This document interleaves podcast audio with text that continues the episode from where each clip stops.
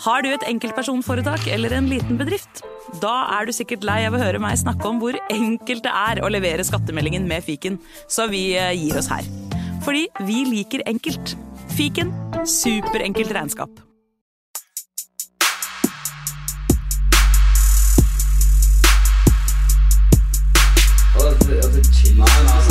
Nei, karer, hysj, hysj, hysj, hysj. Det er faktisk sånn at det kanskje er noen som har lastet ned der. Nei, nå må vi bli ferdig. La meg bare få spilt inn her, da. Velkommen til fotballuka!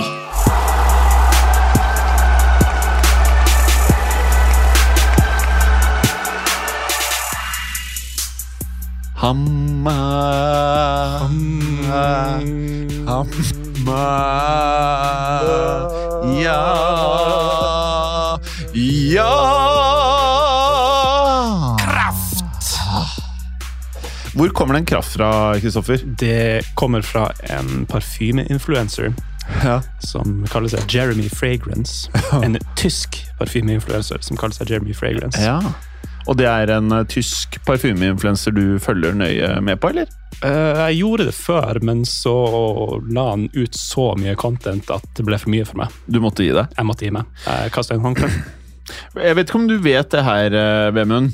Men, eh, Sikkert ikke. Nei, fordi Kristoffer er veldig opptatt av eh, huden sin. Eh, Ja. Og du er veldig Du er egentlig veldig sånn Du er veldig opptatt av ting. Veldig overfladisk, med andre ord. Ja, altså jeg, Det første jeg tenkte, var at du var som Bateman. Ja. Ja, Ja. Du, du har kanskje sett gjennom psykopatmaska fordi du bruker en sneglolje i ansiktet, gjør du ikke? Um, det er ikke en olje. Det um, det er fuktighetskrem. Ikke sant? Koreansk fuktighetskrem som heter Snail 92. Oh. Som eh, anbefales. Ja, fordi du har altså, Jeg vet ikke om du ser det gjennom eh, skjermen din, men, men dette her er jo babyhud i ansiktet til eh, Kristoffer, altså. Ja, nesten så går det an å speile seg i panna. Så det, det, det er etter at den koreanske fuktighetskremen kom into play. Så bare Ja, faen. Men hvor kjøper man dette her? Eh, Jeg tror jeg kjøpte den på Vitus. Så det er ikke, så, det, det er ikke verre enn det, altså. Nei. Det, Kan du ta bilde av den og sende den til meg, så kan jeg altså kjøpe dette her, så kan jeg teste det i hvert fall. ja, Da. ja. Ja. Ja. Og Vemund, du bruker ikke så mye snegleolje akkurat nå, eller? Nei, ikke i det hele tatt. uh, altså sånn generelt kosmetikkprodukter, det er det lavt budsjett på her i gården, altså. I hvert fall på herresida i familien. Ja. Eh, kan, kanskje litt Spenol. For Ja. det er sånn eh, Ja, Spenol. allround håndkrem funker overalt, det. Det må man ha. Mot det meste. Mm. Jeg bruker du også Spenol? Man har jo alltid litt Spenol et eller annet sted. Men det ordet Spenol, det er noe ekkelt med det. Er dere enig? Men det kommer er det ikke sånn kuspene? Er det ikke det det heter? Ku... Jo. Ja. Jeg vokste opp med mjølksky, altså melkekuer. Eh, Ja. eh, og da, da mener jeg at de brukte Spenol og smurte dyrene med for at det ikke skulle eh, ødelegges når det melkes to ganger om dagen. Så Man smørte gjør jo det sikkert litt vondt. Men der er ikke kødde med når jeg spør om det her. Man smørte inn Mhm. jura til jura. Ja, For hvis jura er jo de svensk, derre- så, mm. De der ballene med sånne pigger ute, ikke det? Puppe, Pupper. Ja, pupper. Ja. Bare sånn pigger? Hva, hva er det slags kyr? Men du balsamerte disse kulene, eller disse puppene, med spenol, eller? Ikke, ja, smørte smørt de, ja. Smørt dem med Spenol. Ikke sant? Nei, men bra. Så du er eh, Du er bondegårdens Ancelotti. Du, du balsamerer kuene. Absolutt. Og eh, i helga som var nå, så var jeg faktisk hjemme og hjalp til på lamming. Altså at er sauer som får lam. Og neste helg da blir det mest sannsynlig griser som får grisunger. Så her er vi Ja. Mm. Never trust a man that owns pigs. Hvilken film er det? Never trust a man that owns a pig farm. Jeg har lyst til å si Deliverance. Nei. Men nei. Er vi på mafiaverden? Ja, vi er eh, britisk gangstere. Guy Ritchie. Yes. Snatch. Yes. Det er helt riktig. Det er jo Bricktop. Ja, ja, ja. I'm too sweet enough, Takesh. Men eh, folkens, eh, vi, må starte, vi må starte der eh, alle prater om det. Bellingham. Jude Bellingham har bestemt seg. Hvor er det han skal, Vemund? Nei, det lukter jo veldig mye Real Madrid da, i nyhetsbildet. Det gjør det, altså. Eh, Og det er jo ikke overraskende, Nei. men samtidig så begynner jo kanskje den Real Madrid-midtbanen å være ganske så, så full òg. Ja. blir jo overraska hvis det er noen som ikke forsvinner ut på et lån eller et meget, meget høyt salg, men eh, det, er jo fint med konkurranse òg, og akkurat på midtbaneplass så er det jo bestandig bruk for gode spillere. Tror dere ikke kanskje at eh, noe av det som har blitt solgt inn til eh, Jude Bellingham, er um, akkurat det Kamavinga, Chameni, Rodrigo, Venitius, alle gutta lærer av et proven Champions League-lag som vinner og vinner og vinner og vinner, at eh, det er en del av greia? Jeg tror, jeg tror ikke Jude Bellingham stikker til Madrid og tror han skal starte Og det er sykt å si. Jeg tror ikke han stikker dit og tror han skal starte. Han må ha fått en plan om at han skal starte i så fall i ja, innen la oss si et par år. Jeg tror ikke det. Tror du ikke det? Nei, jeg tror eh, det er så balls i Madrid at eh, eh, Jeg vet i hvert fall før De spanske spillerne var ofte mm, eh, Hva heter det på CV? Du har sånn uh, når du skal kontakte tidligere arbeidsgivere. Det heter Eh, eh, referanser. referanser. Så ble agenter og nye spillere De kunne da ringe den spanske stammen, altså Casillas, Raúl, Guti Hernandez, alle disse her. Og så bare prat med de. Vi har ikke liksom Stikk ut med ta en kaffe liksom, og prat. Hvordan er det å være i klubben? Jeg tror at det er litt sånn det er med Jude. Jeg tror han har fått eh, sikkert Venitius, Rodrigo, Camavinga, Chouameni, alle kidsa. Alle Real Madrid-barna. Prat med disse, se hvordan det er. Og så tipper jeg sånn som De her er jo helt frelste. Hvis du leser intervjuer, så er det sånn Kamavinga sa at han skulle være der resten av livet sitt. Og han spiller out of position. eh, det er noe med at eh, når du hører at det blir bra ikke sant? Det er en klar plan her. Du splæsjer ikke 120-130-140 mil på han hvis du ikke har en god plan, eller i hvert fall hvis du er Real Madrid. Hvis du er Todd Bowley, Ja, da er det det er noe helt annet! Du, du fikk et kvinnfolk til å komme inn med mat, du, Vemund. Hvordan har du fått til det her? Fått til at jeg ringte, uh, ringte en pizza på andre sida av V6-en her, og så tok hun snappa opp den på tur hjem fra jobb, og så får han levert det nå i poden. Så da er det faen. litt sånn ASMR-pizzaspising innimellom eh, slaga her. Men kjenner du hun dama fra før, liksom? Uh, ja, eh, nå kikka jeg ikke så nøye etter, men jeg håper og tror at det var min samboer, ja. Ja. Hva slags pizza er det? Det er en uh, mannepizza med ost, uh, salami og pepperoni på. Mm. Så enkelt. Åh, jeg ble sulten, jeg. Fordi vi, Kristoffer, vi vurderer jo uh, kanskje å ta noen øl og spille kubb etter innspilling. Det har blitt diskutert. Det har blitt diskutert, og det kan diskuteres igjen. Mm. Eh, og det er litt av grunnen til at vi ikke kan spille inn på fredag lenger i VM-en. Og vi må rett og slett bruke fredagen på å drikke øl Ja. etter jobb. Nei, men det, det er fullt forståelig, det. Ja. Eh, nei, altså, eh, jeg tror ikke Jude stikker dit og tror han skal starte. Jeg tror heller ikke at uh, den eneste spilleren jeg kan huske de siste ti årene som har hatt noen sånne klausuler, det er han fæle norske spilleren som var der. Som skulle, han skulle være en del av Castilla, men han skulle trene så og så ofte med toppfolka. Skulle spille så og så mye, og dere krangla seg inn, og alle hata trynet på han. Lille sveklegutten. Det, det, det høres ut som du har et sånn Voldemort-kompleks her. Du, du vil ikke si navnet. Nei. Voldemort Ja, jeg ikke kunne si det. Ja. Ja, nei, jeg nevner Det er to spillere sitt navn jeg ikke nevner i denne podkasten. Han ene er eh, 1,20 høy og har spilt på Barcelona.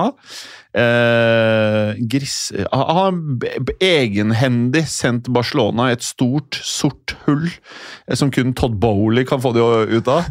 Eh, og så er det da denne andre norske spilleren som angivelig ikke spiller dårlig om dagen. Ja, det, han skårte vel, uh, skårte vel en dobbel her om dagen, faktisk. Hørte du hva Solbakken sa i studio? Jeg leste en av kommentarene. Det var, det var ganske Jeg digga det, ass. De der, eh, den derre gjengen i Viasat, eller Viaplayer, hva det heter, spurte han Uh, Ja, hva syns du dette person X gjorde når person X skåret dette målet? Og Det første Solbakken sa, var bare Det jeg lurer på er hvorfor han ikke gjør dette på landslaget. Og så fikk jo vi lættis. Jeg tror jeg så det tre ganger. Jeg måtte spole tilbake. For det studioet det, det koker jo ikke over av energi alltid, det der eh, via Play. Ja, men, men, men Ståle, han Ståle var bra! Ja, han, Ja. Er, han er energisk på en sånn rolig måte, men det, Ja. det er liksom så bestemt. Kontant. Ja. Jeg kan fortelle, jeg har jo sett mye fotball. Det er ikke lett å få til fotballstudioer. TV 2 hadde jo masse erfaring, det var jo knallbra. Eh, få inn mer Solbakken, eh, og gjerne litt sånn folk som tør å være litt sånn ja, Enten være seg selv eller en versjon av seg selv pluss 20% Så får du gjerne litt sånn eh, at guttene kan kose seg hjemme. Men eh, Vemund, du heier jo på dette her laget som eh, nå har bestemt seg for å ikke gjøre serieavslutningen i Premier League eh, sånn så enkel som mulig, da, tydeligvis. Mm. Eh, dere får jo da ikke Bellingham hvis han stikker til Madrid. og Hva, hva, hva tror du dette betyr for eh, Premier League? Har det noe å si at han velger et annet lag når han skal etablere seg, enn et engelsk lag? Eh, Nei, sånn personlig så har jeg jo gjerne skulle ha den i United, men eh, jeg syns jo det er noe interessant og spennende når engelske spillere eh, går for litt eh, utradisjonelle valg, da. Eh, som vi har sett at unge gutter gjør de, de siste ja, rundt fem årene. Eh, men som regel så blir de da henta tilbake til England. Mens her får vi plutselig se ei verdensstjerne da, som eh, går fra Tyskland til Spania og har engelsk pass, og det, det er ikke hverdagskost. Og jeg tror det kommer til å gå knallbra. Eh, og jeg tror, jeg tror han kan tjene masse på det. Og klart, hvis han flopper i Real Madrid, så, så står jo fortsatt klubbene i Premier League langflat etter han, det vil jeg tro. Så nei da, han har ingenting å ta på der i det hele tatt. Og det føles som at Madrid ikke har noe å tape heller. Selv om det er latterlig høye summer, så får de det igjen, føler jeg, da. Hvis du ser på hvordan de har drifta klubben økonomisk de siste årene, så er det jo egentlig ganske spinnvilt det de har fått til, syns jeg. Eh, når du ser på det de har kjøpt, og eh, nå har jeg ikke sett på budsjettet deres i år, men jeg lurer på om det var i fjor, der de bare de kjøpte alle de der supertalentene, og så ender du likevel opp med å enten gå i null eller litt i pluss Ja. i en sånn covid. Mm. Det er bra klubbdrift. Ja, det er rett og slett veldig bra. Eh, og nå investerte de jo i han derre Endrik. Ja, ikke sant? Ja. Uh, Det får vi jo se om eh, Ja, for har, jeg vet ikke hvor mye Hvor dere har fulgt med på Endrik, ja, men han eh, det, var, det er helt sykt. Jeg sier ikke at det går til helvete, altså. Eh, han er jo bare 16. Men idet de bare bla opp 60 millioner euro, så slutta han å skåre mål. sånn. Det bare ble total tørke. Eh, og jeg har lest intervjuer eh, hvor Henrik sier at eh, presset ble litt mye, rett og slett. Ja, men for en 16-åring som plutselig får det der, så, så er jo ikke det utenkelig at du, du får litt packeren. Ja, jeg, jeg hadde fått helt dunderen sjøl. Men, men i hvert fall, han kommer da om halvannen sesong, da, altså sommeren 24. Mm. Og det er litt sånn lett å glemme når man bare prater om hvem er neste nieren til Madrid, så er det Haaland eller Mbappé, liksom. Ja. Eh, det kommer en kid uh, som følger liksom samme rute som Rodrigo Venicius, og det har jo ikke vært ille. Nei, men Og fordelen Reinier. Og Reinier. og det var ille. Ja, ja uh, det, er jo, det er jo en strategi de har ordna seg nå, egentlig etter Neymar gikk til Barcelona Ja. i sin tid. At de bare Nei, vi blæster uansett hva det koster på de der uh, unge supertalentene fra Brasil. og så uh, ja, men si at de treffer på halvparten. da. Hvis de får en Vinicius og en Rodrigo for hver Reinier og eventuelt en dårlig Endrico, det vet vi jo ikke noe om. Hvis du treffer på 50% av dem, så er det jo fortsatt knallbra. ja, ja. Så det er jo veldig lav risiko, selv om det er jo hinsides å betale 40-50-60 euro for eh, 16-åringer i Brasil. Ja, man kan jo si det. De traff jo på Robinho. Han ble aldri noen Neymar, men eh, de solgte han for mer enn det de betalte han for. Han Eh, gjorde det ikke dårlig heller. Nei da, han var eh, decent, liksom. Men han ble aldri liksom Han ble ikke det Venitius er nå. Nei. Nei. Nådde aldri helt det der toppnivået. Han kunne glimte til i øyeblikk, Ja. men det var aldri stabilt. Nei, Det var ikke stabilt, men det var sånn en, Av og til så var det noen sånne Ronaldinho-ting. Ja. Tidvis. Men det var aldri hele tiden. Lurer, var det ikke én sesong der det så ut som at oi, nå slår han kanskje Ja, ja, ja, ut i full blomst, Ja. og så bare nei. Og det var da Real solgte han. De solgte han rett før CR skulle komme. Og Mm. Robinho var- så ut til å være liksom på vei oppover. boom! Rett ut. Og City skulle, det var da City begynte å kaste penger på Ja, laget, ikke ikke sant. sant? Så Det da- var vel en av de første Ja. store signeringene til City der. Ja. Det, Og han gikk ikke billig. Så Nei. Det var bare rett ut. CR inn. Det var jo 2009, dette her, ikke sant? Som Mm. det beste overgangsvinduet gjennom tidene. Eh, CR, Kaka, Alonso, Benzema, eh, Arbeloa. Eh, samme vindu. Kaka, det, den gikk ikke like bra. Altså, Men det var ikke katastrofe. han var ikke egentlig. like bra som i AC Milan, men han gjorde masse bra. Mhm. Det var bare at han var mye mindre eh, Kaka enn det han var i Milan. Ja, ja. Så i Milan så var han verdens beste spiller. I Real Madrid så var han en god midtbanespiller som skuffet fordi han ikke hadde disse her drivende løpene med midtbanemål og alt dette her. Mhm. Men eh, ja, han skuffet i forhold til det, men var en jævla god spiller. ja, Ja. Og alt dette er for under 200 euro, folkens. Til dere barna som sitter og leser at uh, Chelsea betalte med bonuser. Jeg tror det kom over 140 for uh, Fernandes eller Hernandez. 140! Real kjøpte alle disse for 200. Ai, ai. Og det er ikke mer enn 13 år siden, altså. Nei, Så det er inflasjon og alt det, Det- men uh, det, er, det er under prisen av Neymar. Det, er- det er ganske crazy når du tenker på det. Mm. Uh, men, men sånn er det jo, ikke sant. Du, du kan kjøpe et lag til verdien av en uh, Nimar for de Mm. fleste klubber. I, ja, I Premier League kanskje til og med. Ja, det er helt riktig, det. Um, ok, da har vi vært gjennom uh, Bellingham. Um, det, er- så dere den listen jeg sendte dere med det som angivelig er verdens mest eh, verdifulle spillere i går? Ja, skal vi se. Jeg, jeg, jeg lar meg irritere, som jeg prøver ikke å gjøre det. Og denne listen, Det er masse sånne lister, så det har ikke noe å si om det er eh, Deloitte eller om det er Transfer Market eller hva det er. Rekker du opp en hånd, eller, Vemund? Ja, jeg har en bror som kommer på besøk. Ja, ikke sant? Ja. Bra. Eh, dette er jo bra for lytterne, det. Men eh, eh, øverst på denne listen så er verdien i pund. Bellingham er verdens mest verdifulle spiller på 183 millioner pund. Foden er 177 på andreplass. Kan noen forklare meg hvordan Phil Foden Jeg skjønner at han er brite og alt det der, men hvordan i helvete Og dette er nå! Det er ikke for to år siden før han ble skada. Det er nå denne listen er laget. Nå! Phil Foden er på de fleste listene jeg har sett, topp fem. På denne listen så er den nest mest verdifulle spilleren i verden. Jeg, jeg, jeg forventer at Phil Foden skal være på den lista. Det overrasker meg ikke. Men at han er på andreplass, det overrasker meg. Det overrasker meg at Phil Foden er over Mbappe Mm, og Haaland og Venicius og Pedri. Pedri er god. mm. Men uh, nei, det, det, det er kanskje bare fordi han, han er i City, og hvis du skal kjøpe noe fra City som de vil beholde, så må du betale helt syke penger. Det reflekterer kanskje litt det. Men da skulle jo Haaland sånn sett vært Ja, jeg forstår ikke listene, men hva tenker du av Vemund? Nei, Jeg er veldig enig, og så vet vi jo det at uh, i hvert fall på transfermarkt at de overpriser jo veldig fort engelske spillere. Mm.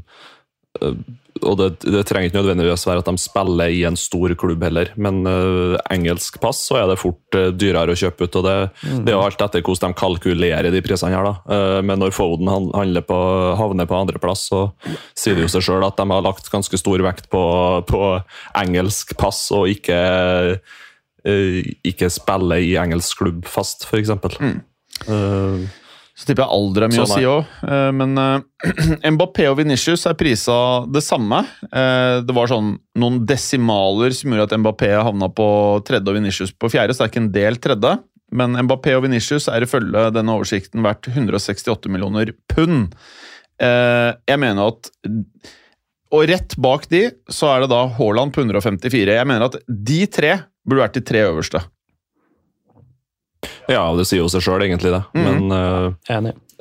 sånn, sånn lister som det her, det uansett, da, jeg er jo veldig lite fan av lister, i hvert fall når det kommer til sånn kåringer og sånt, fordi det er så eh, det, det speiler liksom ikke markedet, og det speiler ikke eh, verdens oppfatning. Det er som regel én til ti personer som bestemmer det her. så det blir Jeg er jo enig, men jeg feil. elsker det.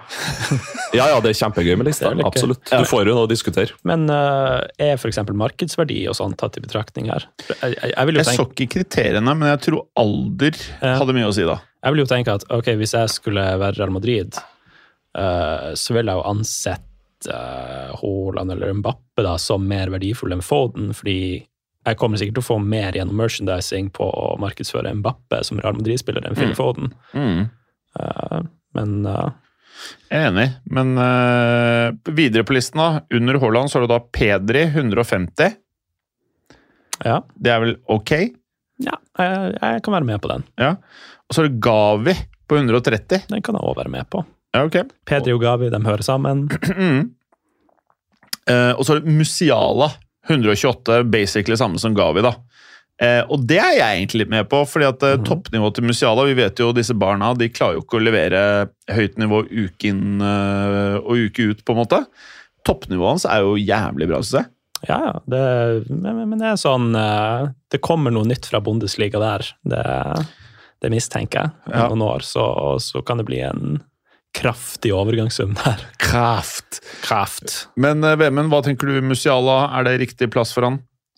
Uh, ja, kunne jeg kanskje hatt både han og Gavi bitte litt høyere i sum, men ikke i plassering. Eh, og så vet jeg ikke om lista her speiler liksom den, det Bayern har holdt på med de siste, siste måneden.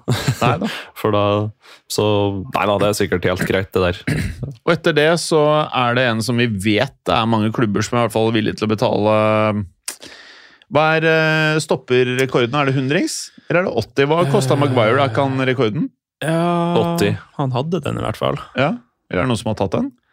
Um, Fofana kanskje var nære. ja, mulig. faen, ass. Men jeg er ikke helt sikker på om han kom opp dit.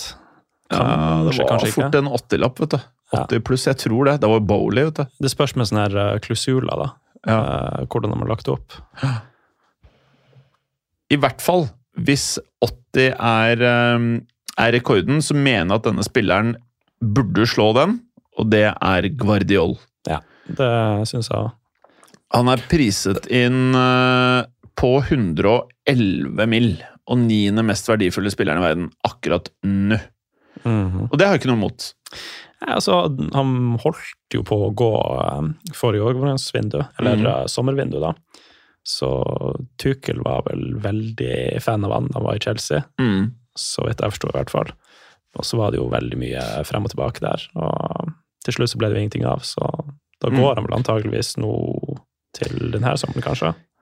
Jeg føler at det blir neste sommer, ja, da. Ja. For de signerte vel avtale i fjor sommer. Ja, det, det var det som var litt rart, fordi de signerte en avtale, men så var det fortsatt veldig mye sånn snakk om at han skulle gå Okay. i det samme tidsrommet, så jeg vet ikke helt. Mm. Kanskje går han uh, sommeren uh, altså til neste år, men Mm. uh, vi får se. Han har kontrakt til sommeren 2027. Ja, så da er det Da får du samme pengene om du selger han denne sommeren, neste sommer eller sommeren etter. Mm. Så de kommer til å skvise denne sitronen all the way, altså. Ja, ja, ja. Og, de, ja, og den signerte han på i 1. september 2022, altså i høst. Så. Så han, han tror jeg blir to til tre sesonger. jeg. Han er fortsatt såpass ung at han kan bli der litt til, Ja. uh, og fortsatt være ung når Ja. han drar, da. Mm. Tiendeplass, det er Federico Valverde på 109 millioner. Det er topp ti-lista. Ja. Ehm, Det, altså Valverde er en litt sånn en spiller ikke blir helt klok på hva han egentlig er for noe. Mm. Er det potensielt han som kanskje kan ta og bli et supersalg for Real Madrid Nei, i nei, Sånn nei. helt dark horse? Nei. Ikke i hele tatt? Nei. Jeg tipper han er eh, fremtidig kaptein. Hm. Han er, eh, han er sånn brett opp erma-fyr. Alle digger han, spiller alle minuttene, og så er det spørsmålet er han best på midtbanen eller er han best på høyre ving, eller hvor er, er han Han tror jeg Han tror jeg liksom er liksom the next big thing. Jeg syns han tilfører utrolig mye energi når jeg ser han spille. Mm. Uh, han er en av de spillerne der jeg har sett han komme inn noen ganger og stenge tenker bare sånn Ja, nå, nå blir det et helvete å møte den midtbanen til Real fra det 70. minutt og utover i Champions League, når de har satt han innpå noen ganger, og så bare snur det hele kampbildet. Mm. Han hadde jo før VM, jeg vet ikke om du husker det, VM-en, vi pratet jo litt om Han skårte jo faen meg hele tiden. Ja, ja. det var jo da de stort sett kontra, og han, de lå i en sånn slags 4-4-2, og han lå bare ute til høyre der og gjorde litt hva han ville. Ja. Eh, fantastisk kontringsspiller. I hvert fall Det beste jeg har sett av han er jo når han har en litt sånn eh, merkelig fri rolle ut på høyresida der og bare kjører Ja. kontringer med Venitius og Benzema og blir den tredje spilleren som fyller på. da. Så nei, jeg er for all del kjempegod spiller, men jeg sliter litt med å se hvordan han skal kanskje passe inn fast, da, så at han får en litt mer sånn Nacho Ascensio-rolle, kanskje, på sikt. Jeg vet ikke. I hvert fall med den midtbanen som Real er i ferd med å komponere nå. Ja. Nei, jeg, jeg tror han eh, er den som starter flest kamper for Real av midtbanespillerne nå. Er jeg tror Valverde er den som starter flest matcher, og så er det eh, enten Kroos Modric eller en av de. Eh, og så er i hvert fall foreløpig Kamavinga er ren venstrebekk, i og med at det ikke er noe annet der. Mm. Eh, Den som føles mest Det høres litt rart ut, da, men eh, jeg føler at den som er mest usikker, er faktisk Chouameni. Selv om han er den eneste sånn ordentlig defensive, så kan Kamavinga også gjøre det. jeg, jeg er med på den, for jeg, jeg tror at utfordringa med den midtbanen her, det kommer til å bli hvordan altså Hvem de finner ut skal sitte som ankere Mm. og, og holde igjen defensivt her. Og det, det er litt sånn typisk Real Madrid-problemstilling, egentlig. Mm. At de kan finne på å ofre en sånn uh, water carrier, som det heter på engelsk. da. Bare Ja. Den, den, den som holder det sammen, egentlig går litt stille i døren, men er Men jeg, viktig. jeg tror ingen av de blir solgt, Mm. fordi at uh, om ett til to år så er Modric og Kroos ute. Uh, og da sitter du igjen med Kamavinga, Chouameni, Valverde og Bellingham. Mm. Og da har du ikke for mange. Jeg, jeg tenker jo Chouameni er den som antageligvis vil spille en defensiv rolle Mm, der. jeg tror også det. Uh, og så får vi jo se, da. Kamavinga kan kanskje òg gjøre det. Ja. Men Kamavinga, folkens, Berger skrev det i chatten, det er nok uh, Hvis jeg skulle satt den fjerde mest verdifulle spilleren i verden akkurat nå, så hadde det for meg vært Eduardo Kamavinga. Jeg skulle til å si at jeg etterlyser han litt på den Ja. lista der. Uh, jeg synes alt jeg har sett av han, det tilsier at det her kan på en måte bli en av tidenes beste midtbanespillere. Ja. Når karrieren hans er over. Har dere sett hvordan han takler folk eh, altså i Champions League-kamper? Han har Fylt 20 nå. Mhm. I Champions League-kamper, på ballen, i og rundt 16-meteren, med en sånn confidence som det er John Terry. ja. Der er jeg, bare liksom, jeg blir helt sånn. Men vi må ikke prate mer, vi prater prate veldig mye om Real Madrid. Det er ikke meningen, det, altså. Men eh, vi kan jo gå videre her til noe som er det ganske langt unna Real Madrid, og det er da Big Sam. Hvis du spør Big Sam, så vil han fortelle at det er ikke så langt under Real Madrid. det, Kan ikke dere fortelle litt om hva som har skjedd her? Altså, det er egentlig ganske interessant, for det er litt mer um, behind the scenes. Uh, for nå har Leeds sparka treneren, som erstatta den forrige treneren. Og alt er samme sesong? ja. Ja. Um, så de har sparka han uh, Gracia, Ja. og i de siste fire kampene så skal Big Sam Allardyce trene Leeds. Det kommer til å bli veldig gøy. Jeg gleder meg som et barn. Men det, det interessante er at Leeds de er i ferd Eller de var i hvert fall i en sånn takeover-prosess der uh, Radrisani, han italieneren som eier klubben, han har blitt enig med Jeg tror det er dem som eier San Francisco 49ers i USA, om å uh, selge Leeds. Oh. Så hadde de tydeligvis blitt enige om en pris for å selge klubben, men de hadde ikke blitt enige om en pris hvis Leeds skulle rykke ned. Så nå er de litt sånn å shit, Hva gjør vi nå, liksom? ja, vi må holde oss oppe, eller så ja. ja. er den sweete dealen vi har fått.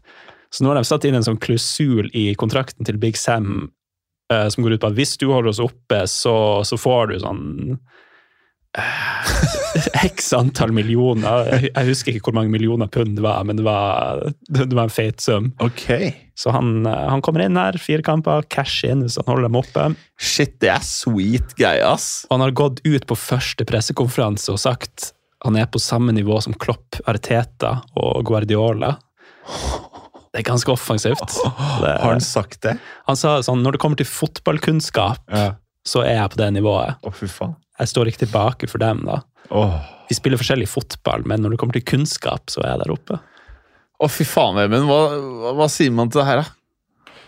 Jo, altså jeg jo, kan jo godt si meg enig med den at den er like god som dem når det gjelder fotballkunnskap, men eh, eh, kanskje litt mer generelt eh, andre valg i livet. eh, så er han nok ikke like flink som leder igjen, da. Men altså, for all del, han, han er jo verdensmester i å holde lag oppe i Premier League, eh, uansett, og, og få lag på høyest mulig plassering ut ifra null forutsetninger. så ja, om man kan si at det her blir bra, det vet jeg ikke. for det, kommer jo mest sannsynlig bare til å vare i fire kamper. Men eh, Nei, jeg tror, jeg tror jo Leeds holder seg da, nå, faktisk. At de tør å ta en sånn endring. For de var altså det, det de har holdt på med de siste ti kampene, er jo helt mm. horribelt. Men heldigvis så er det en del andre lag nede i bunnen her som er like ille. Så eh, nei. eh, plutselig snyte uh, Big Sam med- Leeds enn eh, Everton for en, eh, eh, å stå i Premier League. Så Jeg lurer på om det blir jo gøy for han. Jeg lurer på om Leeds skal ut mot City nå i første kampen hans. Kan det stemme? Det er enkelt å Det stemmer bra, det. Ja. Ja, for da, da må han bare ha noen dager på treningsfeltet til å komponere den ekleste bussparkeringstaktikken. Du kan- Det blir 4-4 fucking 2 og åtte mann på hullet, han er fort. Men det er noe gøy med det òg. Ja, ja, altså, jeg, jeg har savna en sånn Big Sam-type i Premier League, Ja. for nå har det blitt for mye. Jeg er enig. Det har blitt for raffinert. Det har blitt for raffinert. Altså, Altså, jeg får ofte opp sånne eh, videoer på Instagram sånn, av eh, Rory DeLapp og den Stoke-sesongen, når de liksom kom på Ja. åttendeplass bare pga. lange innkast. Det, det, altså, det, det er noe vakkert med det. Det er, det er, det er, så, det er så nydelig. Og Vi ser nå Burnley rykke opp da, med, fra championship til Premier League med liksom nye eiere og Tiki Taka-fotball og City-inspirert og sånt, men det, det blir jo ikke det samme. Burnley i mitt hode er jo bestandig eh, 4-4-2, og alle skal være 1,95 høy og veie 100 kilo. Det, det er Burnley for meg, uansett. Jeg, jeg, jeg lurer også på om det med Big Sam nå Fordi det med at han sammenligner seg selv med Guardiola, bare gikk rett ut. Det er så hardt. Det, det er så hardt. Men egentlig, når du tenker over det, er det kanskje litt genialt også. Ja. Fordi hva har han gjort nå? Du har fire kamper igjen av sesongen. Ja. Leeds under kjempepress. Nå begynner alle journalistene å snakke om at Big Sam er gæren. De snakker ikke om spillerne, at de gjør det dritt. ikke sant? Presset, er en liten Mourinho. Ja. En, eh, en liten taktikk. Ja, faen, det der kan jeg jeg, jeg, jeg jeg vil jo bare ha gale managere, omtrent. da. Jeg syns jo det er det feteste av alt, som ikke er på mitt lag. Uh, og gjerne eiere. Nå uh, mener jeg jo den feteste eieren på planeten er jo Todd Bowley. Det er Åh, for en gavepakke til alle som er nøytrale. Ja, så Han har spons, sponsa mange timer med Chelsea-prat i poden her han, det siste halvåret. Så Fy faen. Og så er det sånn, vi må ha sånne. hvis det er sånn når neste sesong starter, og sånn to-tre måneder inn i neste sesong, så går det over til at man nesten ikke kan prate så mye om det, for da er det på en måte pratet litt i hjel. Da begynner det å bli litt kjedelig, for det er så ekstremt. Ja. Men nå må vi fleske til. Ja, altså, du, man må jo bare slå til mens uh, me- mens grøten er varm, holdt jeg på å si, men det er jo ikke et uttrykk. Gjerne. Gjerne varmt. Men, det, men de der kunne funka på Paradise Hotel. Ja. Eh, så dere Arsenal-Chelsea? Eh, ja, dessverre. Ja. Så du Arsenal-Chelsea ved Munns? Ja.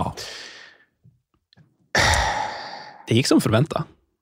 ja. Det gjorde det. Første første omgang da, altså, da trodde jeg Det var som å se et topplag Altså Arsenal møte Hva er et dårlig lag i Norge? Sånn Bodø? Nei. Hva er et dårlig lag i Norge? Uh, Strømsgodset? jeg, ser jo Lillestrøm! Vålerenga! Et eller annet sånn norsk lag, da. Ranheim Ranheim. Det var som å se Arsenal-Ranheim, men det var Arsenal-Chelsea, og Chelsea har et 100 ganger dyrere lag enn Arsenal. Det er nesten ikke til å tro. Apropos Ståle Solbakken, her Ja. var han også ute i studio, tror jeg, og Ja. eh, var ganske hard. Ja, han var helt rå. han sa noe om at det, det her var noe av det verste han har sett. Men, men, men det var ikke bare at spillerne var ræva. Han mente at Lampard var totalt ubrukelig. Ja. Han kunne ikke forstå laguttaket. Takk, Ståle. Ja. Takk. Og, og han sa bare det ser ut som de kommer totalt uforberedt til matchen. Ja, Og han derre, hva er heter han på høyrevingen? Madueke? Nei, Ma... ja Madueke. Ja, Madueke. Altså bare at han hadde flikka opp noen pasninger på trening, og derfor skulle han starte. Liksom, han bare lo av Lampard. Ja, men det, det er Det er det du også gjør? eller? jeg, jeg, har sagt det tidligere i denne podkasten, og jeg syns Lampard ikke Han gjør seg ikke som fotballtrener. Nei. Han gjorde seg veldig som fotballspiller, men som trener så er han ute på dypt vann. Det, det, det eneste bra han har gjort, det er jo den sesongen med Derby, da han lånte eh, hele akademiet til Chelsea med Mason Mount Ja. og eh, alle guttene der, og de var knallgode én sesong. og men- etter der så Men til og med da så Ja. gjorde han det ikke bedre enn de hadde gjort året før, tror jeg. Nei, nei det var- ikke, ikke sånn kjempebra. Det var helt greit, men det var Mm. mer det at de så at uh, her klarer han å utvikle litt Chelsea-talent. Ja. Og så klarer de jo ikke igjen å holde på de talentene sine, for de skal jo kjøpe De skal gå over bekken for å hente vann, for å si det sånn. Mm. Eh, uansett. Så Nei, Chelsea det, Lampard har sagt det, jeg skjønner ikke hvorfor han får nye jobber i Premier League. Nei, det skjønner det så faen ikke jeg, for det er altså så Han har egenhendig klart å knekke Everton. Jeg tror Everton aldri har rykka ned. Han har knokket Everton. Men gutta, det her må jeg fortelle om, for det her er så fett. Kristoffer, det vet ikke du. Okay. Men i denne podkasten så har vi blandet eh, tre lag med blå drakter veldig ofte. Leicester, Everton og Chelsea. Mhm. Så vi har laget et eget lag som heter Leacherton, Licherton. som er de tre lagene. Leacherton. Ja. Også de kommentatorene som da kommenterte Var det Jeg så Everton eh, Nottingham Forest.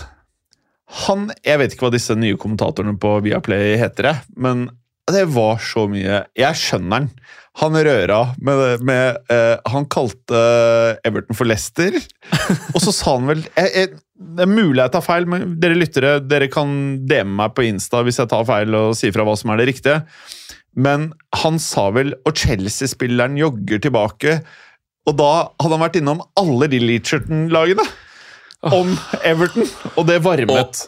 Det er nydelig. Og det som, er så, det som er så gøy med det her, at når vi fant opp Eller når dere, da, for det var jo før min tid, da, da jeg var bare kunde, Ja. ikke medvirkende. eh, eh, Så var det jo at vi snakka blanda de tre lagene her fordi de var så vanvittig gode. Ja, ja. Fordi vi satte sammen den beste. ja det er riktig. For da var jo Chelsea sikkert uh, ligavinner Ja. uh, året før eller året etter, og Leicester var der oppe ikke sant, og lukta litt på Champions League, og Everton var liksom det neste store laget som skulle prøve å banke seg inn i, i topp seks-opplegget. Uh, mens, mens nå ligger de jo da på 12., 16. og 19. plass. Ja. Det minner meg om uh, gammel sånn Nils Arne Eggen-intervju der han forveksler Lecce og Leicester. Legendarisk. Den er drøy. Ja, det, det er noe sånn en, en, en, det, er en Rosenborg-spiller som var linka til Leicester, tror jeg. Og så var det sånn, journalisten spurte han ja, skal uh, den spilleren til Leicester, så er han sånn Lecce! Hvem sa Lecce? Eggen. sa- Eggen Lecce! Skal ikke Lecce, der er banen grodd igjen! Noe sånt. Å, fy faen, så fet Eggen var, ass. Åh, ja, uansett eh, Jo, han blanda innad i Leacherton. Og så hadde han, eh, han andre kommentatoren røra fælt med at han kalte han derre eh, Hva heter han som alltid er skada på Everton? Han spissen som egentlig er decent. Calvert Lewin. Og, og skada, jeg trodde du skal ha skalla. Nei, nei, han er ikke skalla. Ah, okay. Eh, eh, han blanda eh, Calvert Lewin med Ward Prowse. Ja. Så han surra noe så jævlig, så Ja, det er jo Ward Prowse! Og så ble det straffe. Og så skulle Lewin ta straffen. Og så, i hodet hans, så var han da sikkert Og jeg syns synd på han. Så var han sikkert så bevisst på at han hadde sagt- word prouse. Uff. Så idet han sa Og der skal Calvert Loon ta straffen Nei, nei, nei! nei Calvert Loon For da, I hodet tenkte han kanskje han sa Ward Prowse. Så Calvert Loon Nei! Ja, Calvert Loon! oh. Enkle altså Når du ser Everton Nottingham Forest, så må du glede deg over de tingene du kan glede deg over. Eh, men eh, var det Han så faen meg ut som han eh, var fem år yngre enn det han er. altså. Gjorde han det? Ja, Fy faen for noen avslutninger! Ja, jeg har bare hørt at eh, nå er Vardy på vei nedover. Det, Ja, er ikke den kampen her, altså. Ja, ja. Ja. Ja, altså, han, han er jo en rutinert, eh, en rutinert ringrev. Ja, altså På det nivået det. der så kunne han vært backup-spiss for uh, Haaland og Benzema og Lewandowski. ass. Det var Ja. jævlig bra. Men det er jo sånn hvis du Har, eh, har passert 36 år, og Jamie Vardy, så det bør, å, det bør jo begynne å skje noe der òg, med litt fart og Ja. fysikk og ting etter hvert. Men, Men, men det er også den der den Red Bull-dietten hans. Ja, ja, ja. Hva er det for noe? Eh, Før kamp så dunka han jo bare ned et par Red Bull. Det har han gjort i masse år. Og det er jo sånn, ja, når du er 28 så får du kanskje masse energi av det, men i lengden så tenker jeg det er ikke optimalt. Men, men han er jo skikkelig late bloomer. og det er ikke sant? Han har jo sikkert trent og spilt fotball hele livet, men på toppnivå så slo han jo ikke gjennom før han var Nei. husker jeg, 26, 27, 28, 29. ikke sant? Så, sent. Mm, så da, da tåler du Da er han jo kanskje den eh, fotballalderen hans da er kanskje litt yngre enn det alderen tilsier. Men han og Lester har jo hatt ei litt dalende kurve sammen de siste sesongene. så... Altså, det, de kan jo fort finne på å rykke ned, altså. men eh, Faen, det er trist. I så fall. Ja, og, men da mister de også veldig fort. Ikke sant? Du har spillere som James Madison, som bare må bli plukka Mm. ut. Men-. Men, men Ja. sånn, ja, ja, ikke sant? Madison og Tilemans Tilemans syns jeg er dritbra. Madison er så, Jeg, jeg syns han er dritbra, Ja. men hvor skulle han gått? Hvor bra er han? Er han Tottenham-bra? Eller er han liksom United-bra, som ønsker å begynne å fighte for tittelen? Eller er han sånn top notch at han har spilt på Liverpool og City? Jeg synes at det er en spiller som lett kunne blitt plukka av en sånn topp-topp-klubb. Ikke nødvendigvis som en starter, men i hvert fall som en squad-spiller. Mm. Uh, og det, når Leicester har gjort det bra, hvis du ser på det han leverer av målpoeng i løpet av en sesong, så er det veldig høyt nivå. Og hvis Ja. du da kan krydre inn en Medicine i troppen når du er ja, la oss si Liverpool eller uh, United, Chelsea kan vi kanskje utelukke nå, fordi nå er det nok. Ja. Eh, men hvis du har en sånn kar du kan sette innpå når du må rotere litt på uh, startelveren din, Ja. så, så tror jeg det er veldig bra i løpet av en sesong. Og det, det er jo en spiller de mest sannsynlig må selge nå i sommer, Ja. fordi at de sliter en del økonomisk, eh, og han har kontrakt som går ut neste år. og Jeg ser jo for meg at han har ambisjoner om å eh, gjøre noe annet enn å unngå nedrykk med Leicester i karrieren sin. Mm. Så, men eh, ja, det, det lukter jo veldig Tottenham. Han tenker jo Ja, at han er jeg ung òg, vet du. Men han, føler også det er Tottenham. ja, han, han blir faktisk 27 nå i, i november. Så det er jo en spiller du tror er 22-23, sånn egentlig. Men jeg føler litt uh, Karrieren til Madison gikk ikke helt den veien jeg trodde den skulle gå. Det, det er kanskje litt det at Leicester har gått nedover oss, og det har sikkert påvirka hans mulighet til å utmerke seg. For du så de der sesongene da de var og nesten tok fjerdeplassen, så gjorde han det veldig bra, og så bare krasja dem. Mm. Og da er det kanskje noen klubber som ellers ville ha vært interessert i å kjøpe han, som har tenkt ja, Mm. er vi sikre på det her? Samtidig da, så har han jo vært en del skada de siste sesongene. Eh, ikke hatt sånn 100% sesonger, egentlig vært en del skada. Men hvis vi stiller klokka ett år tilbake i tid, da, og da kan vi si at kanskje McAllister, som er fantastisk på Brighton nå, eh, og Madison var kanskje sånn ish på samme nivå. Og så ser vi hva det gjør med at du har en sesong der du spiller for et lag som er skikkelig medvind, og en sesong for et lag som når du er skikkelig motvind. Og da ender vi opp nå med at eh, McAllister ser jo helt fantastisk ut, og mens Madison er litt sånn Ja, hvor skal han egentlig gå hen, da? Og så var det kanskje bare for et år siden at de var uh, ca. like bra, da. Uh, sånn egentlig. Så uh, det, det hjelper veldig mye å spille på et, et lag i medvind. og Ja. Uh, Og det er jo der du kan finne gull, da. ikke sant? Hvis du får plukka opp Madison da, for en ganske grei pris, og så plutselig en tilbake på gammelt nivå, eller, eller tilbake der han uh, mange trodde han skulle være. Så det er jo der du finner litt uh, gull i markedet til tider. Og Tilmansa. Um, Han er jo Han er jo veldig bra. Ja, men det er litt samme greia, egentlig, Ja. føler jeg. Uh, Ja. Du er i den situasjonen der du har blitt dratt med i dragsuget Mm. til, til klubben din, rett og slett. Og så gjør det kanskje potensielle kjøpere litt mer skeptisk. Mm. Um, men altså, rykker Leicester ned, så, så tenker jeg at da går begge. Mm. Men hvilken klubb, hvilken klubb er Tillmans perfekt for, da? Han går jo gratis i sommer, han nå. Ja, mest sant? sannsynlig. Mm. Til Så ja, Hvorfor ikke til United, tenker jeg? egentlig? Ja, skulle til å si United eller for så vidt Bayern München eller en eller annen storklubb. Alle, alle har jo bruk for en gratis Tielemanns i troppen, tenker jeg. da.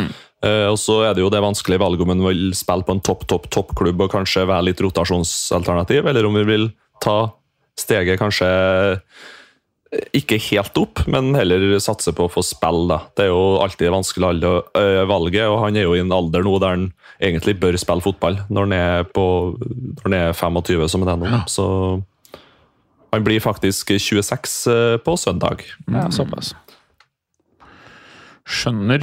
Ok. ok. Eh, Napoli er eh, serievinnere, Kristoffer. Ja, det kommer ikke som en overraskelse. På ingen måte. Um, de ble faktisk serievinnere med 80 poeng. Det Mhm. trengtes ikke mer i år. Så det har jo egentlig ikke vært et, et title race, da, kan du si, i praksis. Mhm. Uh, de kan fortsatt komme opp på om det er 92 poeng eller noe sånt totalt, hvis de vinner resten av kampene sine. Mm. Uh, så da vil du ha Hvis Lazio på andreplass vinner alle sine kamper, så er de på 79, da, Mm. til syvende og sist. Så ja, det, det er et ganske kraftig gap der mellom, eh, mellom første og andre. Du Mhm. ser jo at Napoli de har dippa litt i formen nå de siste uken, men likevel så er liksom Det har ikke vært noe tvil. Nei. Så nå så man jo egentlig bare at byen Napoli eksploderte, Ja. eh, nesten. Fortell litt, da. Så du bilder, liksom? Um, jeg så, før jeg la meg i går, så bare så jeg litt på en sånn livestream at de, bare, de hadde begynt å dunke opp fyrverkeri langs hele stranda i byen, eller noe sånt. Det var Det, ja, det så ut som nyttårsaften, for å si det sånn. Rett og slett. Ja, det gjorde og den banestorminga er jo Jeg elsker jo banestorminga, Uh, og det er jo bare magisk. Uh, når man ser spillerne som nesten, og trenerne som er nesten litt livredd for det er så gale folk som er rundt her, så var det vel Ja, ja. dessverre en som hadde dødd òg i de feiringene. Jeg vet ikke om det var i byen eller på stadion, eller hva det var, men det, det er etterlengta, det kan man trygt si. Og de la jo grunnlaget veldig tidlig i sesongen med å bare vinne alle kampene i starten. Uh, og så har de jo nå kanskje dabba av litt formmessig og satsa litt mer Champions League, da. Så Ja. nei da, de har rodd det her fint i land og hatt kontroll i mange, mange måneder. Det er jo helt sykt. Vi har jo bare gått og venta på det, så endelig er det klart. Jeg syns det er litt morsomt at Spalletti også får en sånn Serie A-tittel, omsider. For han har vært, han har vært nært tidligere. Med, Ja. Han har aldri vunnet før? Nei, det var, det var nesten med Roma. Og så var han jo litt i Inter, men der kom han vel helt Han Han var helt jævlig bra i Roma-perioder, ass. Ja, ja. Det var, det var han som kom opp med den der falsk nier-twisten Ja, med Totti. Eller mm. han oppfant det ikke, det ble vel oppfunnet lenge før, men han introduserte det i hvert fall. Mm. Så kom Sir Alex og plukka litt der og fra, tror jeg. Ja, Mm. skjønner. Men uh, um, man fokuserer jo veldig på Ossimen og Kvadracelia. Uh, er det andre spillere fra Napoli som vi tror kommer til å være stå høyt i kurs i sommervinduet? Ja, altså Hvis du ser på midtstopperplass, så har de jo en meget habil eh, sørkoreansk midtstopper Ja. som eh, ikke skal prøve å eh, Jeg syns du skal prøve å uttale det. Kim Kim Minja. Jeg. Noe sånt. Kim Yai? Ja. Ja, ok. Kim. Ja. Vi sier det. Ja. Um, han kan fort forsvinne. ja, topp. Uh, for Napolis sin del så bør han bli, Mm. Men uh, han For hans del, da. Eh, For hans del? Ah, Hipp som happ. Ja. Kommer an på hva du verdsetter mest. Verdsetter du uh, sportslig, det sportslige og, og det blir dyrka som en gud i, Ja. i en by? Eller verdsetter du å tjene litt, tjene litt ekstra? Da læres. Men jeg tror ikke tjener bra borti Napolia? ja? Ah, du tjener nok greit, men jeg lurer på om han presidenten han, De Laurentis han er ganske hard på, eh, Ja. på å forhandle kontraktene der. For jeg har sett før at han bruker, når han skriver kontrakter med spillere, Mm. så skal han også ha en del eh, image rights til oh. spillerne. Ja. Eh, og der har det gått litt skeis i noen kontraktsforhandlinger tidligere. Fordi han insisterer på ja. Men det er jo den Madrid-modellen, da. mm. At de skal ha image rights. Mm. Så den eneste gangen de har firt på det, var med CR. Mm. Men uh, uansett, uh, tror vi Ossimen og Kvadracelia blir? Jeg tror Kvarskelia blir en sesong til, Ja. og så får vi se med Ossimen. Men Ossimen kosta dritmye. Hvem er det Nummer én, hvor tror vi han stikker? og hva kommer han til å koste? Fordi Napoli, det er ikke noe poeng å selge han for 100. Du får ikke en, du får ikke en bra spiss uansett om du, hva du får for han. Mm. Det er umulig å finne bra spisser nå. Men hva ble det fant ut av? Han, kosta 80? Fem- fem og- 75-80, ja. Ja. Nå i regionen der. Så du selger den da ikke for 100, ikke sant? Nå er den jo bedre når du kjøpte den. Eh, Du selger den ikke for 110, du selger den ikke for 120, og da begynner det å bli dyrt. Så er da spørsmålet eh, for Chelsea sin del eh, Vi, nok en gang kommer vi tilbake til Ja, men de, det, de, det uunngåelige. de er de åpenbare takersene av dette toget her. Todd Bowley er som en sånn sort hull som suger til Mm. seg alt rundt. Og vi, vi, har jo, vi skulle egentlig spille denne uken, men Clay kunne ikke i dag, for han skulle kommentere, så vi må spille inn på tirsdag, eller hva det blir nå, onsdag. Eh, og da skal vi jo sette opp denne Chelsea. Hva, hva er reglene igjen? Uh, vi, vi, vi, vi snakker litt om det i dag, fordi jeg spurte om jeg kunne Jeg, jeg sliter litt med å velge en tropp. Så Ja, for, hva var den egentlige planen? den egentlige planen det var å ta 25 spillere, Ja. Og så Altså, vi måtte selge ja, Du skal kvitte deg med spillere, og så skal du hente inn spillere. Ja, men hvor mange? Hva, var det noen som skrev ned reglene? Det, det var ikke noen restriksjoner på hvor mange. så vidt vidt må jeg høre episoden, virker det som. Kanskje. Var ikke maks lov til å gjøre tre-fire kjøp, eller noe sånt? Eller var det salg? Ja, det, var, det, er noe, det, er, det, var noe, det var noe. Altså, Det var ikke sånn, det var ikke FM, liksom. Det vi kan gjøre, er å laste opp i FM, og så bare gå på ferie et lite halvår, og så ser hva de faktisk har gjort der. Men vi tar i hvert fall den Chelsea-spesialen på onsdag. Det blir jo helt konge. mm. Men det er jo et helvete hvor mye spillere de må kvitte seg med. Sånn, ikke bare i vår episode, men i ekte verden. Jeg satt faktisk og skulle Jeg, jeg satt og tenkte på det der her om dagen. Skulle prøve å komponere et lag. Så opp den troppen, og jeg bare gikk amok med en blyant og bare begynte å krysse ut navnet. Bare. Det føltes litt godt. Ja, ja. Altså, den, altså det er, ja, Jeg skal ikke legge noe jeg, jeg, jeg, har, jeg har gjort mye bra forarbeid, men jeg må høre på episoden for å forstå hva som er reglene. Så må vi legge det i uh, WhatsApp-chatten. Men i hvert fall det skjer neste uke, da. Det er jo veldig gøy. Uh, Brighton står det her i skjema. Herjer, står det. Ja, det var det jeg som skrev. Ja, Fordi, eh, som, som du kanskje skjønner, så er jeg veldig fan av Brighton. ja jeg har forstått det. Eh, Hvorfor det? Jeg syns både det at klubben er kanskje en av, om ikke den best drevne klubben uh, akkurat nå, og så har du kombinert det med jeg synes, en av de kuleste trenerne, med De Serbi. Ja. Uh, jeg jeg synes han, han kunne glatt gått inn i en topp-topp-klubb og, Ja. og gjort en jobb. Eh, I hvert fall sånn taktisk. Ja. Så får man jo se hvordan han eventuelt håndterer større ego, da. Ja. Men uh, jeg, jeg tror i Premier League så er det, det er to klubber som er eid av uh, et par forretningskarer som har slått seg opp innenfor betting. Ja. Og det er Brighton og Brentford, mener jeg. Mm. Jeg synes du ser litt av det komme ut i hvordan klubbene gjør det. ikke sant? Fordi det, det er moneyballet.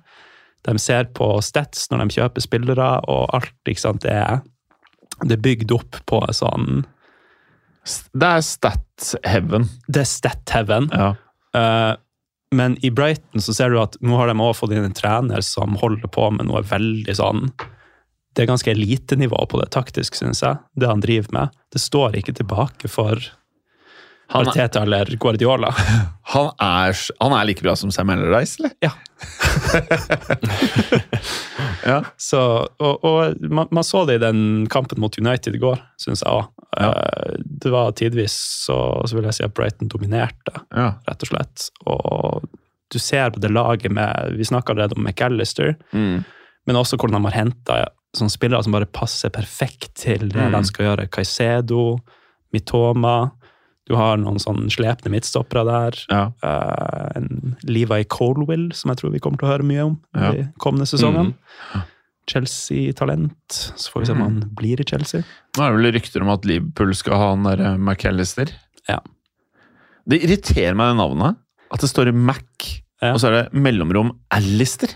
Det, Det er sjukt irriterende. Jeg blir, øh, jeg blir sint hver gang jeg ser det. De har uh, tradisjon for det der i Sør-Amerika, tror jeg, med sånne uh, familier som kommer fra sånn Skottland og Irland fra way back. Så har Ja. de uh, det har utvikla seg til en egen uh, det er som McGregor. Ja. Altså, det må være ett ord. Ja, ett Ja. ord. Det er poenget mitt. Men er den bra nok for Liverpool, da? Eller nå er jo de fleste midtbanespillere bra nok for Liverpool akkurat nå, da. Jeg tror ikke han ville gjort Ja, seg bort. Altså. Nei, ikke jeg heller. Nei, Jeg tror han har passa bra inn i en miks der, men uh, de har jo gjerne skulle hatt en til, da, Liverpool. Uh, så tror jeg egentlig bra for Liverpool sin del at de ikke får Bellingham. Mm. Uh, for da har de vel uh, slitt med å kjøpe to bra. Um, Jeg tror hvis de hadde fått lov til å kjøpe Bellingham, så tror jeg de hadde gjort det. Ja. Men, men bare liksom Det, det, er, fucking små marginer. Tenk deg om Liverpool var de som fikk Bellingham og Chuameni. Ja, det hadde vært en så annen sesong, muligens, for dem. Eh, det var en stor del av det de led av i um, eller Det de har lidd av i det siste, Liverpool, er bare den her De var litt for sent ute med å freshe opp midtbanen, Mm. og så kommer det en situasjon der det som har funka tidligere, slutter å funke, Mm. men det slutter å funke pga. sånne små marginer. Mm. Henderson blir litt eldre, ting går litt saktere, du får litt flere skader, og så Mm. er det bare sånn én ting fører til en annen. Eh, det er min mening, i hvert fall. mm. Og så Ja. er det jo litt gøy da, at i dag så har vel eh, Milner gått til Brighton. I dag, ja. Hæ?! Ja. Jeg så Mm. dem eh, var linka til han. Shit. Men det er sånn, De skal kanskje ut i Europa, da får de litt rutine. En som Ja, ja. kjenner det gamet der og kanskje kan hjelpe litt til. Ja. Selv om han muligens ikke kommer til å spille så Ja, mye. ja. Men det er uh, For de, ja. ja. Brighton også, de har jo gravd opp Danny Welbeck fra de døde. Ja. Så det er, jo, det er jo fascinerende at det er et sånt system. Og, og Vi vet jo at Danny Welbeck alltid klarer å skåre mål og er en god spiss, men eh, det har jo ikke funka i jeg vet da farskene hvor mange år? Ti år siden, kanskje. Men, men det, Så det, det er kanskje det, det motsatte av den Leicester-problematikken vi snakka om, med Mm. Madison Tielemanns. Her har du spillere som på en måte de blir dratt opp av systemet rundt. De blir kanskje gjort bedre enn det de egentlig er. mm. ja. Og det er jo veldig greit, da. Da klarer du deg med mindre budsjetter. Så det er jo Mm. helt syk egenskap for en klubb eh, å kunne lene seg på. Ja. Og så hjelper det jo også at du selger venstreback for 50 mil til Chelsea, og hele støtteapparatet og treneren, og klarer å erstatte med billigere og enda bedre trenere og spillere. Ja. Det er jo Hvem fantastisk. hvem var det igjen, da? Potter. Nei, altså spilleren. Cucurella? Ja. Ja. Ja. Ah, Fy faen. Når jeg ser han i Chelsea, det er sånn Jeg tenker benk, ass. Det, det er mye støttepasning og sånt. Å, fy faen. Dust og hår og bare Slapp av, for faen. Det er irriterende. Jeg lurer på om han hadde noe Det var noe eh, utenomsportslige greier sånn utenfor banen som han hadde måttet deale med. Ja. Det var tydeligvis et eller annet, men de sa, de sa ikke hva det var. Mm. Eh, Så det er ikke godt å si, men et eller annet har det i hvert fall vært som har eh, gjort at han kanskje har tenkt på andre ting enn fotball, da, virker det som. Ah, ja. Så Ja, ok, skjønner. Eh, vi må prate om en vannflaske, har jeg forstått. Ja. Og den har jeg sett veldig mye på. Jeg syns den er veldig morsom. Du kan jo ta, ta introen her på dette, eh, Kristoffer. Ja, jeg kan prøve å finne frem bildet, så kan jeg jo beskrive det vi, eh, det Jeg har det ser fremfor meg sjøl, jeg. Uh, vi har uh, ja, det, fra kampen mellom uh, Det var vel Leicester-Everton? Ja. Kan det stemme? Ja. Ja. Og da var Jordan Pickford i aksjon. Keeperen til Everton for å redde et aldri så lite straffespark. Yep. Så har, eh, så har et uh, snedig TV-kamera registrert at Jordan Pickford han, uh, han har hatt litt hjelp fra vannflaska si. Så hvis man uh, googler da det bildet eh, Man kan jo google Jordan Pickford water bottle, eksempel. Ja. Så finner man et bilde av den vannflaska, og der har altså Everton klistra på vannflaska hans ei oversikt over straffeskytterne til Leicester med sånn bilder av hvor de setter straffene sine prosentmessig Ja. i grønt, gult og rødt. Så du har ikke sant, grønt. Her står det at uh, Tielemanns han setter 100% av straffene sine til venstre. Eh, Faen, det er, eh, det er ganske viktig info å være klar over. da. Ja, og det her er Det, det er genialt, syns Ja, jeg. Bare ja. klistre på vannflaska der i en sånn eh, Du bare ser, ja, 60 Jeg, det eneste jeg hadde gjort annerledes, er liksom, jeg hadde gjort det mye mer diskré. Ja. Sånn at ikke andre kan stjele trikset ditt. Du kunne, vært, du kunne tatt det under, eller Det er så mange måter du kunne gjort det mye smartere på. Altså, jeg husker jo i 2006, uh, oh. tror jeg det var, under VM, så hadde jo Jens Lehmann han hadde en liten lapp i strømpen sin da Tyskland var i straffekonk. Ok.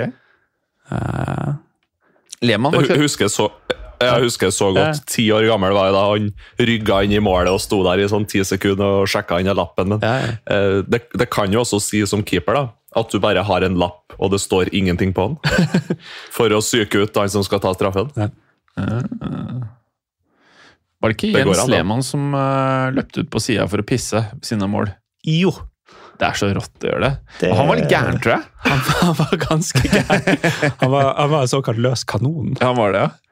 Han er det kanskje fortsatt. Ja, for jeg tror han bare vippa opp uh, vip, vip, Vippa han ut, liksom, og sto bare pissa foran Ja, eh, supporterne. Når, når du sier det, så, så hus, mener jeg å huske at det var Ja. noe sånn der som uh... Du skal, du skal være ganske gira på å pisse for å pisse Du blir filmet, og det er foran supporterne, midt i en kamp. mhm. Har ikke prestasjonsangst eh, da, nei. Men det jeg ikke forstår, da må du ha drikket jævlig mye før match, altså. Når du ikke klarer å holde deg ti min, eller hva faen det var. Ja, det er mye Red Bull. Ja, for faen, det er mye Red Bull, ass. Kunne gjort det under en straffekonk òg, for å psyke ut motstanderen. Jeg lurer på hva som hadde skjedd, Det. Hadde du fått gult da, tror du? Det er et godt spørsmål. Eh, som dommer, jeg hadde gitt uh, gult på det. Eller hvis du må pisse, det er en ganske interessant situasjon. Du må pisse, bare sånn Dommer, du kan gi meg rødt. Jeg, jeg må pisse. Det er jo- jeg kan ikke stå her, Altså, liksom. det, det er jo et naturlig behov. Ja. Man må jo. Må Eller må man. hvis du må drite, du må beina banen ned i garderoben for å drite. Det hadde vært enda sykere. Det er spennende Men det skjer, det, det skjer jo av og til, det, men det er jo hovedsakelig utespillere da, som tar en liten to minutter på ramma i, midt i andre omgang der, fordi at du har litt magesjau. Og jeg så- ser det.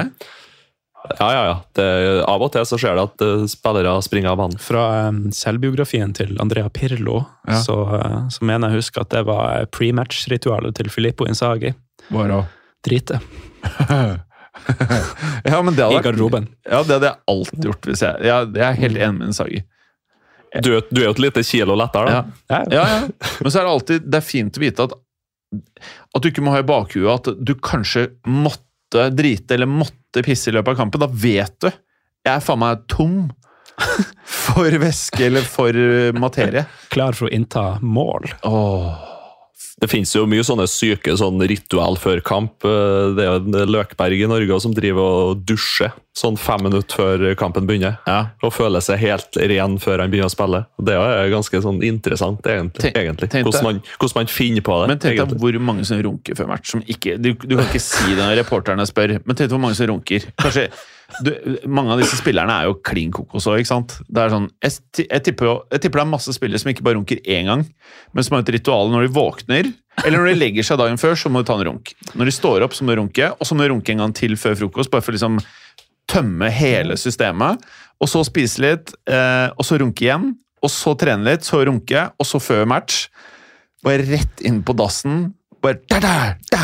Og så i pausen, bam! Et, det er mange, det. Det som skjer i garderoben, blir i garderoben. ja. Ja. Jeg ser for meg en som ikke gjør det på kampdag. Det, han heter for Erling Braut Haaland. Han, for han ser ut som har med seg en del testo ut på banen til tider. Så han Men det derfor jeg- tror jeg holder seg Men det er derfor jeg tror at hvis han ikke gjør det, så tror jeg det kan bli sånn rødt kort og sånn. At eh, Pep sier noe. Erling, Erling, come here. Og så bare Have you done what we talk about? Og så bare No, no, I haven't done that today. You have to. Erling, if you don't do it, I have to help you. Og så tror jeg liksom eh, eh, Når Erling får hat trick, da har han gjort akkurat det Pepsi Da er liksom kvelden før, morgenen og før match. Minimum! Det skal være tomt. Jeg lurer på det, ass. Du får jo spørre den da, vet du, i episode, eller del tre av Klokkepodden. Ja. Eller flashlight. Erling! Erling! I have an idea. Hva som skjer nå? We have to do flashlight. You have to learn how to play football with courage. Oh, oh, oh. Nå tror jeg jeg er ferdig for i dag, altså. Jeg lurer på om vi er ved veis ende i dag. det er på Rykeren. Fordi, eh, apropos do, jeg må på do. Ja. Eh, du sitter her med Manchester City City-trøye, Vemund. Det var litt overraskende. Nei, nei, nei, nei, nei. Det er jo fotballtrøye-fredag. Er det? Er jo oppriktig skuffa over at dere ikke er ikledd fotballdrakt. hva var det? Jeg så eh, noen dere sendte meg noe mas på Insta. Hva er det for noe? Fotballtrøye. Eh, Det at du tar på ei eh, sosial happening på jobb, egentlig, der du tar på deg hvilken som helst fotballdrakt. eh, eh, Og for å vise støtte til Barnekreftforeningen. Og så ja. kan du gjerne vippse en 50-lapp eller mer, hvis man ønsker det. Ja, det burde man ha gjort, da. Eh, Ja, det ble, det ble gjort. Så da har jeg gått for min egen eh, keeperdrakt eh, fra forrige sesong. Lillestrøm. Uh, I Singsås i sjette divisjon, Ja. med Storsett på ryggen igjen. Vi, vi har Ja. Der, den satt, en, er du keeper? Er du keeper, eller? Ja, her er keeperdrakt. Ja. Hva skulle du si, Kristoffer? Jeg skulle si vi har én ting som vi kanskje burde berøre før vi forlater. Ja. Messi. Åh, Vi har glemt Messi. lille grisegutten! Hva er det han har gjort nå? Nei, han, eh, han har stukket av til eh, Saudi-Arabia. Åh, det er så typisk Messi! Og så skal han kanskje tilbake igjen. For uh, 300 millioner pund i året, eller noe sånt. Til. Eh, For å spille for en saudiarabisk klubb. Å, fy faen. Jeg blir kvalm av hele fyren. Jeg blir kvalm av den ekle Æsj! Det er Andy, Andy Gray, den gamle Sky Sports-punditen. jeg, jeg, jeg takler ikke denne spilleren, altså. Andy Gray likte det heller ikke. Og der har det jo kommet litt breaking news òg. Da. Det er Fabrizio Romano har lagt ut eller delt en uh, apology-video fra Messi nå, for ti minutter siden. Oi. Hva står det i den, da? Eh, I thought we were going to have a day off after the game, as always. I had this trip organized and I couldn't cancel it. Uh, I had I have had already cancelled it before. Ja. Det skjønte ikke jeg. I apologize to my teammates and I'm waiting uh, for what the club wants me to do, do with me. Ja, det er sånn Altså, vanlig. Messi skal være glad han uh, ikke var den dårligste i fotball. For det virker ikke som det er så veldig mye annet som vil seg der i gården. Han kommer til å stikke fra PSG uansett etter sesongen, sikkert. Så, Og Tenk deg å senke Barcelona på egen hånd. Du har, du har sendt klubben i economic disarray. god hjelp fra Bartomeo. Ja da. ja da. Han var ikke alene. Han var i kahoots med Mm. Bartomeu. Bartomeu. Altså, tenk deg den kombinasjonen her, folkens. Bartomeu til Chelsea. Han kan hjelpe Bowley. Jeg tenker ja! Jeg tenker ja! Definitivt ja. No, nok en gang så etterlyser jeg den Amazon-dokumentaren ja fra, fra innsiden av, Ja. av garderoben. Jeg er klar, ass. Og du- ma, dere vet Bowley kommer til å ville ha en Amazon-dokumentar før eller senere. ja, ja, ja. That's how we do in the States! Ja. That's how we do in the States. Det, det, det kommer. Ja, det kommer. Det er bare spørsmål om tid. Nå må jeg tisse, hvis ikke så må jeg pisse i hjørnet her. Ja, Hva sa du, Emund? Nei, ingenting. Skulle si takk og farvel. Takk og farvel. Kos deg med pizzaen. Pizza. Pizza. God helg. God helg. God helg. Hei og hå. Hei, hei. Ha det, ja. Hei. Takk for at du hadde høre på. Vi er Fotballuka på Twitter, Facebook og Instagram. Følg oss gjerne. Men bare få høre. Den tror jeg blir litt fet. Moderne media.